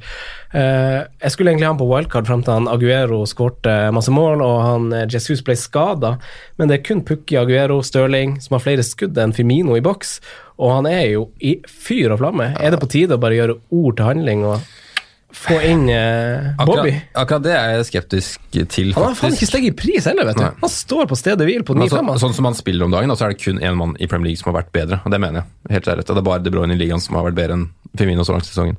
Uh, og det har med alt Sånn som man ser nå, måten han kipper gjennom Robertsen, måten han bare hælflikker gjennom Salah altså Den måten han driver på. Men jeg tror fortsatt ikke da, at det blir så voldsomt mye høyere uh, antall skåringer, da. Helt enig. Uh, men jeg, jeg, ja, jeg syns det har vært helt, helt fantastisk. Men han skyter jo åpenbart mer, uh, Ja, mer han enn han det. har gjort er, jeg har sett Anfield Rapp også har vært innom en endring i, i um, måten han spiller fotball på.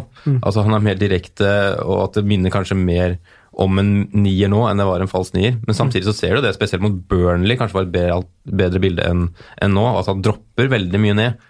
Og du ser jo også, Det var en analyse fra, fra det engelske studioet også, hvor han, han dropper ned, og spis, eh, kantene kommer inn, og vi spiller på en måte veldig ofte, spesielt i kontringsfasen, en 4-4-2-diamant. Så det blir jo han som blir tieren. Så om det blir mye mer poeng, litt skeptisk, men han er virkelig i form, og hvis du skal ha han, så er det kanskje nå. Men er ikke med Firmino litt som, som det er med Stirling og Norwich? At du Når du har en spiller på fantasy, og du ser en kamp, så ser du han spilleren eh, Du ser på han hele tida. Eh, For eksempel for min del så ser jeg på Aron van Bissaka når jeg ser på United, for jeg har han på laget. Og han må være den mest begrensa høyrebacken som har vært i United på altså, kjempelenge. Han, han er Gary Neville opp av laget. Han går knapt fra Han har kanskje to innlegg forrige match. Han bidrar ingenting offensivt. Og så er han bra defensivt. Og sammen med Stirling Det er han- veldig rart, da, med tanke på at Bissaka egentlig er kant. ja, det er kjemperart. Og så er Stirling ute på kanten og kysser linja, mens du hele tida legger merke til at hvis du har en plage med Femino, så legger du merke til at han går dypt hele tida.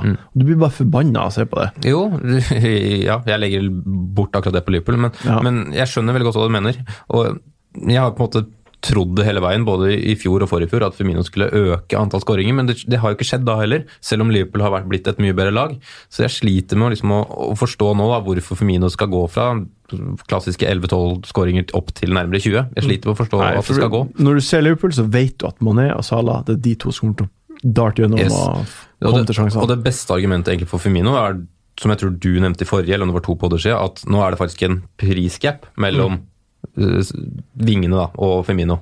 For Ja. før så var det jo, I fjor så var, jo, var vel Femino og Mané lik pris fra start, om jeg ikke tar helt feil. Og Ja, er der så alle stemmer tre det. lik pris. Ikke sant? Og, og, og det er på en måte det beste argumentet for Femino nå, syns jeg. At du får, det en, du får han for en billigere pris enn resten av grepet der. Hvis jeg spør et nytt spørsmål nå, eh, hvis dere prøver å være litt objektiv. Ja. Eh, nå har, eh, nå, nå har eh, Liverpool Chelsea borte. Mm. Eh, etter det så har de eh, Sheffield United borte, så har de Leicester, så har de United, så har de Tottenham. Og så sitter de et par kamper etter det, er det ikke det? Ja, kanskje. Altså, det er egentlig ganske, egentlig ganske tøffe kamper. Ja. Eh, I den kampen nå når eh, de har Chelsea, så kapteiner du ikke Sala, eh, for da har, da har City Watford hjemme. Ja. Eh, I neste kamp så har Liverpool eh, Sheffield United, så der går du kanskje, til tross for gode tall i Sheffield, så går du faktisk uh, en Liverpool-kaptein. Men så har de Leicester, da har City Wolverhampton hjemme, og så har det Liverpool United, og så har de Tottenham, mens City har Palace og Villa. Og for så vidt Aubameyang har eh, Bournemouth, uh, Sheffield United og Palace hjemme. Kan man da ta ut Sala eller Mané for en periode, for du skal ikke kapteine han, for å, og så da dempe det eventuelt med Firmino, for å få råd til Aubameyang, Stirling Altså flere, flere av de her gutta. Nå snakker du et språk jeg liker, Franco. eh, bare for å legge til, de har Aston Villa borte, og så sitter hjemme etter det. Ja. Så eh, sånn, når jeg ser på de neste sju kampene, så er det fire av de jeg 100 sikkert vet at jeg ikke kapteiner Ja, nå for Liverpool. Jeg syns det er det er jo knee-jerky og skummelt, og mange har Men kanskje det er veien å gå for oss som er i bakleksa. Det er småsexy da, å spille så tight som det. Og, og, og, og ja, og rydde den ut fordi du ikke skal kapteine, og så rett og slett bare rydde plass til en Nå, nå var det vel ca. runde 12-13, hvor det snur litt for Liverpool igjen. Ja. Så jeg skjønner tanken, altså, men er ikke, har vi ikke vært igjennom det et par ganger at Mohammed Salah er litt sånn set and forget? Jo, men som kaptein Mm. Hvis du ikke har ham som kaptein, og du heller kan eh, La oss si at Aubameyang har gode kapteinskamper de tre kampene. Mm. Og han har jo veldig fine kamper. Aubameyang. Arsenal Ja. har jo kanskje det fineste programmet de neste fem-seks rundene. da. Og Det er ingen av oss som har baller til å cappe Haller eller Pukki eller Det er ingen av oss, i hvert fall. Nei. Abraham. Nei, jeg har ikke det. Nei. Jeg tror ikke det. Jeg cappa Mitro to ganger i fjor, men det Men kan man gi dem et lite pust i bakken? Ja, nei, det- altså, trenger man, altså, trenger, man trenger kanskje ikke Firmino engang, trenger man Liverpool-spillere i det hele Altså, Sette litt på spissen der. Altså, Altså, selvfølgelig mener- kommer han til å skåre mål, og du kommer til å sitte noen gang og gremmes over at der skårte for Masala, for det kommer ikke til å skje at de ikke kommer til å levere. Jeg mener jo Men litt annerledes. spørsmålet er om du klarer å spre de midlene til at det leverer bedre. Jeg liker tanken, eh, men hva du skal si, Simen? prøvde to ganger her. nå. Jeg syns jo Mohammed Salah kan kap- kapteines runde åtte og runde ti, jeg, da. Ja, Hjemme mot Leicester og Tottenham. Ja. Hvis man ser på historikken også, hvor mange mål man har skåra, spesielt med Leicester. Vi skåret vel to hjemme i fjor, og skårte fire året før, året før der, og skårte også to i begge de to bortekampene, om jeg ikke tar helt feil. Så mm, Men du er jo litt sånn Bren Brendan Rodgers-forkjemper, og han har jo levert veldig bra. Og i samme kamp så har City Wolverhampton hjemme og Villa hjemme. Arsenal har? Bournemouth og Crystal Palace hjemme i de to kampene. der. Mm, ikke sant? Så det er jo mye bedre Altså, det er jo mye bedre forutsetninger for Aubameyang. Jo, for, jo, jo, jo, men jeg tror liksom at kampene isolert sett, at se bort ifra hvem de andre møter, at vi kan få en liten eller ikke liten, få en høy poengsum på Mohammed Salah. Ja. Ja. Nei, nå ble du litt flirfull og litt beinflørting. Beinflørta med Simen. Beklager, Simen. Koselig. Jeg syns det er et godt poeng. eh, Jeg må tenke på det. Ja. Jeg må dyp- dykke litt eh, dypere inn i. Mm. Men jeg òg er jo veldig eh, blanding av skremt og har veldig lyst på Aubameyang, da. Mm. Jeg må jo si det, så jeg skjønner jo hvorfor problemstillingen kommer opp. Mm. Fader òg. Men det er jo noe med at sånn som Stirling og Sala, som jeg har sett før sesongen, og så ser jeg at de kommer til å bli værende.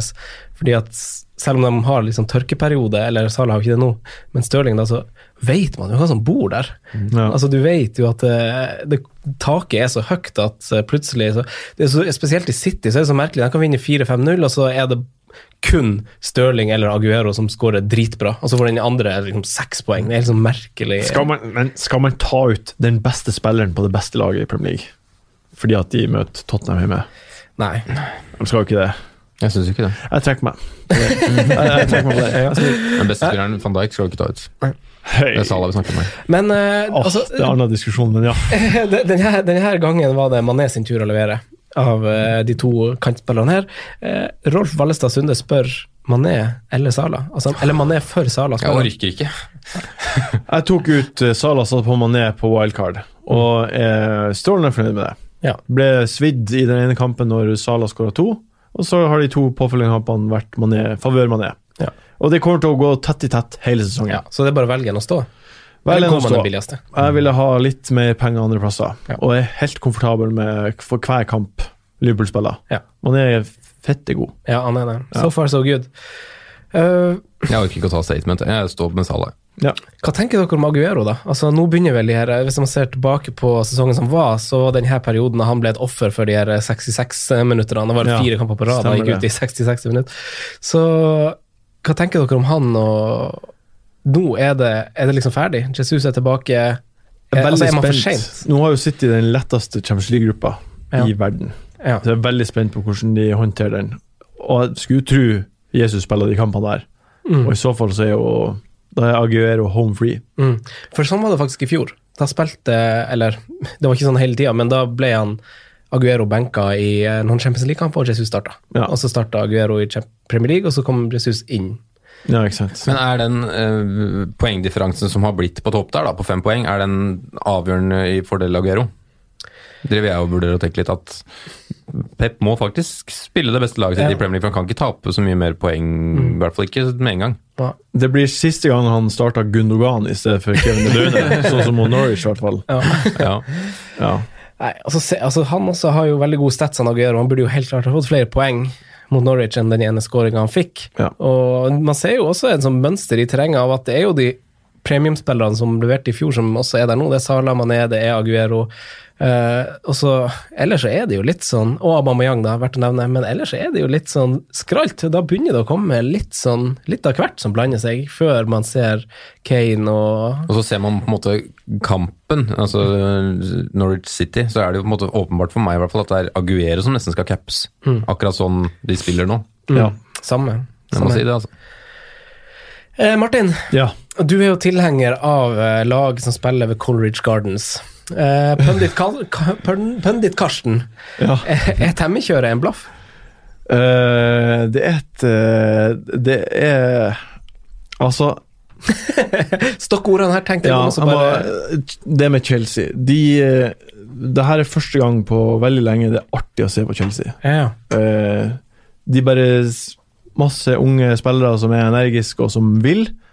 Og Tammy er en sånn fyr. Han er ikke noe feit higuain som er metta på Som ikke egentlig bryr seg. Han Tammy bryr seg, og jeg tror det er en del av Han får jo sitt gjennombrudd nå. Ja, og når vi snakker om narrativ i kamper, så er det også narrativ i spillerne. Han er jo egentlig ikke så god i fotball, han Tammy, men han klarer å komme seg i posisjonene og er klinisk, og har vært det i de tre kampene han har fått ordentlig tillit fra start. Mm. Uh, så jeg, mot Liverpool blir det kanskje ikke mål, men det er ikke noe grunn til at det skal stoppe, Nei. egentlig. Nei, Bortsett fra, fra spillere som kommer inn som innbyttere og mye, så, så er, altså hvis man ser på skudd Altså hvor ofte spillere kommer til skudd i boks, så er det jo kun han Aguero som kommer ofte til skudd i 16 enn Tammy. Ja. Hvert 25. minutt, Aguero hvert 23. Syns det er noe Sturridge-aktig over Abraham. Måten han akkurat får seg rom til å skyte, og, og selve avslutningene. Jeg syns han er Ja, altså, han- veldig dyktig avslutter. Altså. Kjapp og sterk og Ja. smartere enn jeg trodde han skulle være, sånn Ja. fotballmessig. Så han, han, Han har de fysiske forutsetningene også til å Ja. kunne lykkes. da Det blir ikke sånn som du sier Ja, litt sånn alt mulig man kan ha på det høyden, og så er den som Martin sier, ganske kjapp. Atletisk. Og, Mm. Han skal inn på mitt lag i- etter runden som kommer. Jeg tror kanskje han skal hos meg òg, Ja. for da er det Southampton hjemme der. Kan man kapteine Tammy? Nei. Men for det er jo en litt rar runde, har du sett på det? Hvor rare lag eh, kamper Liverpool og City har? Tenkte runde sju. Ja. Kunne man ha kapteina Tammy der? Å, det er Det er jo snasent, da. Eller er det litt for dust? Brighton skal jo spille ball også, så det kan Ja. Ja, ja. Eh, Nei, det tror jeg ikke at jeg ville tort, i hvert fall. Begynner å leke litt for deilig. Ja, det blir Ja, kanskje. Hvis Spør Jonas, Jo- eh, Jonas Berg Johnsen hvordan det er å cappe Abraham. Ja. Han cappa vel i Swansea. Ja, men hvis Chelsea har en god runde nå og en god kamp i Champions League, la oss si at de La oss si at de vinner mot Liverpool, Mm. så kan man begynne å tenke på det. Men det er noe, u, noe som er upålitelig med de ennå, Ja. syns jeg. Og Eh, noe som er litt skremmende også, da, med Tammy Abraham altså, Eller det er kanskje ikke skremmende med Tammy Abraham, men det er skremmende med egentlig hele statistikkopplegget. Altså, hvis man ser på expected goals, eller liksom både elsket og forhattet statistikk, men der ligger Tammy Abraham og Shea Adams ligger cirka likt på expected goals. Ja. Abraham har skåret sju, Shea Adams har skåret null. Ja. Altså, det, det sier jo både at man kan bruke statistikken og kaste den samtidig. Ja. ja, det er sant, det. mm. Så det Ja, er det er liksom Ja. Eh, Men det, altså Chelsea igjen, de har jo som Arsenal et fint program. Eh, uh, hva, altså, Mount syns jeg var god igjen i helga. Ja. Uh, litt, litt sånn borte kampen før, men er, er, mener du at dette er spillere som er inne i Chelsea og kommer til å spille i det grønne programmet? Ja, Mason Mount kommer til å spille Han kommer til å spille til han blir skada. Ja. Han, han er jo faktisk kjempegod i Ja, fotball. Og imot Wolverhampton så er han jo Er han som blir, har ballen og blir takla når Tomori skyter. Mm. Eh, det samme på mål, første målet til Abraham. Og da hadde han kanskje fått straffe, hvis ikke Ja, ikke Abraham hadde skåret. Uh, han han er, slår cornerer Han har sånn deilig innleggsfot, syns jeg. Krummer ryggen og sparker som hest. Ja. Og jeg, jeg bare tror at han er bare veldig mye viktigere enn kanskje vi forstår, og kommer til å spille Mm. fast og kommer til å vil score uansett. Mm. Sånn som når han jubler etter 5-2-skåringa Mm. i 96. minutt. Det sier litt om hvor mye han syns det er artig. Deilig. Ja. Deilig, deilig. Har ikke noe å si i det målet, kampen er jo vunnet. Ja. Men han jubler som en gal. Aff, det er deilig å se. Ja, det er moro. Det er deilig å se, men det forteller meg at han, eh, han kommer til å sulte og være involvert i mål. Ja. Som du sier, da, bryr seg. Bryr seg. Han kommer til å, det, Sånne vil jeg ha. Mm. Eh, en til sånn antisynsundersøkelse. Nå syns jeg det var et merkelig bytte, da. Eh, så Sebajos Ja. Eh, det var helt dust å bytte han ut, men eh, jeg syns jo vi fikk bevisst at det ikke er en spiller man skal belage seg på som fantasyspiller. Jeg hadde håpa at han skulle spille litt mer i den tierrollen. Ja, han kommer ja. sikkert til å gjøre det noen gang, så han kommer til å få de odd assist, som han sier, men det blir ved det. Ja. Og det er én spiller man skal ha i Arsenal, så enkelt er det faktisk. Det er bare Det med å er easy-peasy. PP er ikke på noe ennå, dårlig helga. ja. Det er Aubameyang eller ingen. Et siste dilemma før vi tar spalte, gutta. ja. Klar. Stirling eller Stirling? Stirling eller Aguero? Jeg har skifta til Aguero der, ja. Altså. Du har begge. Jeg har begge, men det var et dilemma. Mm. Oh, ja, Da må du si ja. til én ting og nei til en annen ting. Eh, nei, det er jo Aguero, da. Jeg har Stirling og ikke Aguero, men det er jo Aguero. Ja. Selv nå framover eh, med en gjenvendt Jesus. Gjennomstått. Gjenoppstått. Ja, det kommer litt an på kampen i midtuka. Ja. Men eh, Aguero er mer farlig akkurat nå. Mm. Men, så Han er midt foran mål, rett og slett. men hadde Stirling skåret på den headinga Det er liksom Den fem centimeteren endra Mm. hvordan vi forholder oss til det. Kunne også hatt en assist til Aguero der. Et skudd på overtid som Nei, det, det er marginer her. Ja, det er marginer. Det er det. Eh, vi kjører en liten pause, og så hopper vi til hva det, hva det skal si hvis jeg skal ikke få folk til å bli spalten. Spaltene. Spalten. Spaltene. Simen, hipster, hvem var og hvem er din hipster i denne runden her? Ja. en jeg toucha litt innom i stad. Simen Aasum, Ja, Franco Rocky. hvem var, og hvem er, din hipster for Game Week 6? Det var jo Ollie McBurney da, som fikk et annullert goal. Åh, Jeg hadde trua, jeg fikk varsel jeg, på Ollie McBurney, og så fikk jeg til og med melding av herrebrøden. Ollie McBurney! Nei da, skulle ikke lykkes. Nei, Skulle kan det. ikke gå. Vi kan ikke gå. det var nesten. Ja. Nei, men Da tar vi spissen som er mest eh, underbetalt da, i sesongen. Shea Adams Ja. hjemme mot Bournemouth. Der bør det bli mål. Begge veier, egentlig. Så Han og Mapai kommer kanskje Altså, de er litt sånn underbetalt. Eller har Ja, Mapai skåret Mapai fikk jo en scoring nå, Ja, ja, men det er spillere som er, eh, kan levere i Jeg må si at jeg liker. Mapai veldig godt, men uh, Adams hadde ikke så troa før sesongen, men nå må det løsne snart. Ja, han var faen meg nære på. Uh, målet han tjener på, forresten. skal, skal vi ta det? Har du sett det, Martin? Nei. Fordi, fordi han liksom river For en balanse. Han river og sliter som med noen spillere her, og så dribler han to-tre spillere, og så skyter han i mål. Ja. Og, det, og det som er så sjukt, er at han går liksom og feirer og hyller liksom lagkameraten som sentra til han. Etter han liksom, liksom. etter han liksom har fått juling og gjort alt på egen hånd. En ydmyk type. Han var jo skikkelig Skal vi gi blomster nå, så er det han. Han var skikkelig liv i hele Afrikamesterskapet også, sammen med han derre Marega i Porto, som er den biffen. Ja, Fin duo. Han er på perrongen. Vi hopper dit. Spillere som, eh, som kan være aktuelle. Eh, dere må si ja eller nei. Jennepo han koster 5,4. Har en fin kamp nå. Fredagskamp. Jeg vet for lite, kan ikke svare. Jeg fakt- det er Inhabil. Ja, inhabil. Eller liker inhabil, bare Så da må du si nei, da. Uopplyst. Ja, da må du si nei. Nei, sier jeg da. Ja. Jeg liker egentlig Jennifer. Jeg har hatt den på FM og litt sånn. 5-4 pønt. Du hadde han på FM, du sendte han ut på lån igjen. Ja, gjorde det, gitt. Det er en sånn FM-save, jeg Sondre og Simen. Ja. Martin. Han, eh, Simen kjøpte mange sånne rare spillere, og, og etter første sesongen så sendte han alle de bort. Så han kjøpte første sesongen. Men ja. Digresjon. det blir nei. Ja, det blir nei. Ah, det blir nei. Det blir nei også her. Eh, neste mann er Tammy Abraham. Vent en runde, Ja. Og så blir det jeg. så blir det super-ja. Ja. Ja. Har du han allerede? Kjempebra. Jeg må jo si ja, da. Ja. Må kanskje det nå. Ja. Neste er Pierre Emerick. Ja. Ja, ja, ja. Ja, Men si. eh, det er jo veien dit. Jeg sitter og trykker hele dag jeg, på hvordan jeg skal få han inn på enten ved to bytter eller ved tre bytter og minus fire, men det ser vanskelig ut. Det går ikke.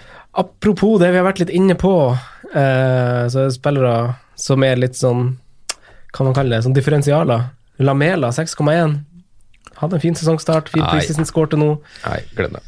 Ja, for alltid et nei, Ja. egentlig. Ja. jeg legger meg bak den, jeg. Ja. jeg legger meg bak den. Eh, forsvaret til maks fem. Dere tror eh, skårer den beste scoren runden som kommer. Mhm. Hvem har du der, Simen?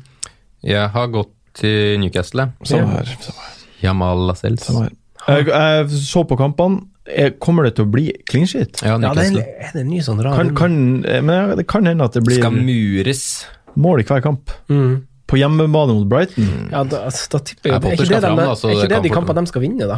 Jo, det er det jo kanskje. Jeg hadde egentlig litt lyst til å ta Fabian Skjær, men så sa han var flagga gult, så da turte jeg ikke helt. For jeg tror det er større sjanse på at Skjær skårer mål enn Lascelles, men jeg ender på Lascelles. En dårlig runde for clinches, tror jeg. Ja. Ja. Ja. Jeg eh, reiser selv til Croydon, for jeg har valgt han Gary Cale. jeg. Mm. Ja. Gammel helt for deg, Martin. Ja, det er han. Er jo så drit Ja, det er akkurat det. det. Rett og slett. Eh, Martin, tusen takk for at du kom. Tusen takk for at jeg fikk komme. Veldig, veldig Ja. hyggelig. Veldig koselig. Hvem kapteiner dere denne runden først? Altså, hvem synes dere eh, Altså, Er det Aubameyang, for hvis man har han? Nei, Aston Villa hjemme? Nei. jeg tror det er Sergio Aguero, ja. Ja. Watford. Jeg tror kanskje det, altså. Ja, jeg, jeg tror at uh, hvis jeg hadde hatt Aubameyang, så hadde jeg uansett ikke kapteinen han. Nei. Det blir Stirling for min del. Jeg syns han er et bedre valg enn Aubameyang. av Fordi City er et bedre lag. Ja. Jeg stoler mer på City enn på Du tror City kommer til å skåre mer mål? Aubameyang har skåret i, i alle rundene. Eh, Poeng i alle rundene bort. Og Stirling har to nå uten. Ja, nei, han, Aubameyang er altså fette god, men uh, det er fremdeles City på hjemmebane etter en forsmedelig forsmedelig kamp mot Norwich. Ja. Og de, eh, de kommer til å dundre på. De gjør det. De gjør det. Men Aboyang er et jævla bra valg også. Ok, Martin, tusen takk igjen for at du kom. Det er alltid jævlig trivelig. Fette trivelig. Mye stygge ord.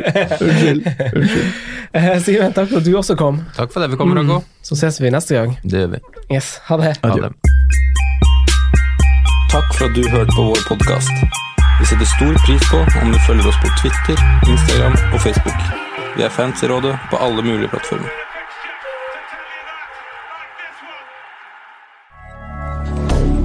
Moderne media.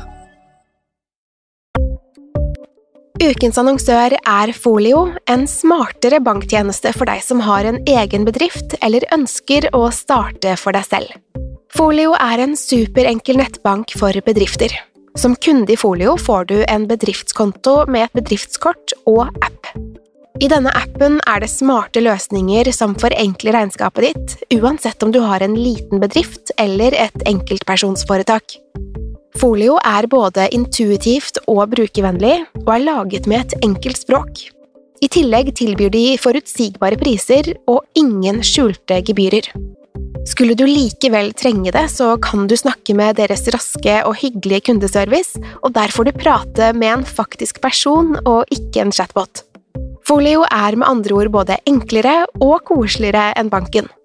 Over 10 000 bedrifter har allerede valgt Folio som sin banktjeneste, så besøk folio.no og se hvordan Folio kan forenkle din hverdag også. Har du et enkeltpersonforetak eller en liten bedrift? Da er du sikkert lei av å høre meg snakke om hvor enkelt det er med kvitteringer og bilag i fiken, så vi eh, gir oss her, vi. Fordi vi liker enkelt. Fiken superenkelt regnskap.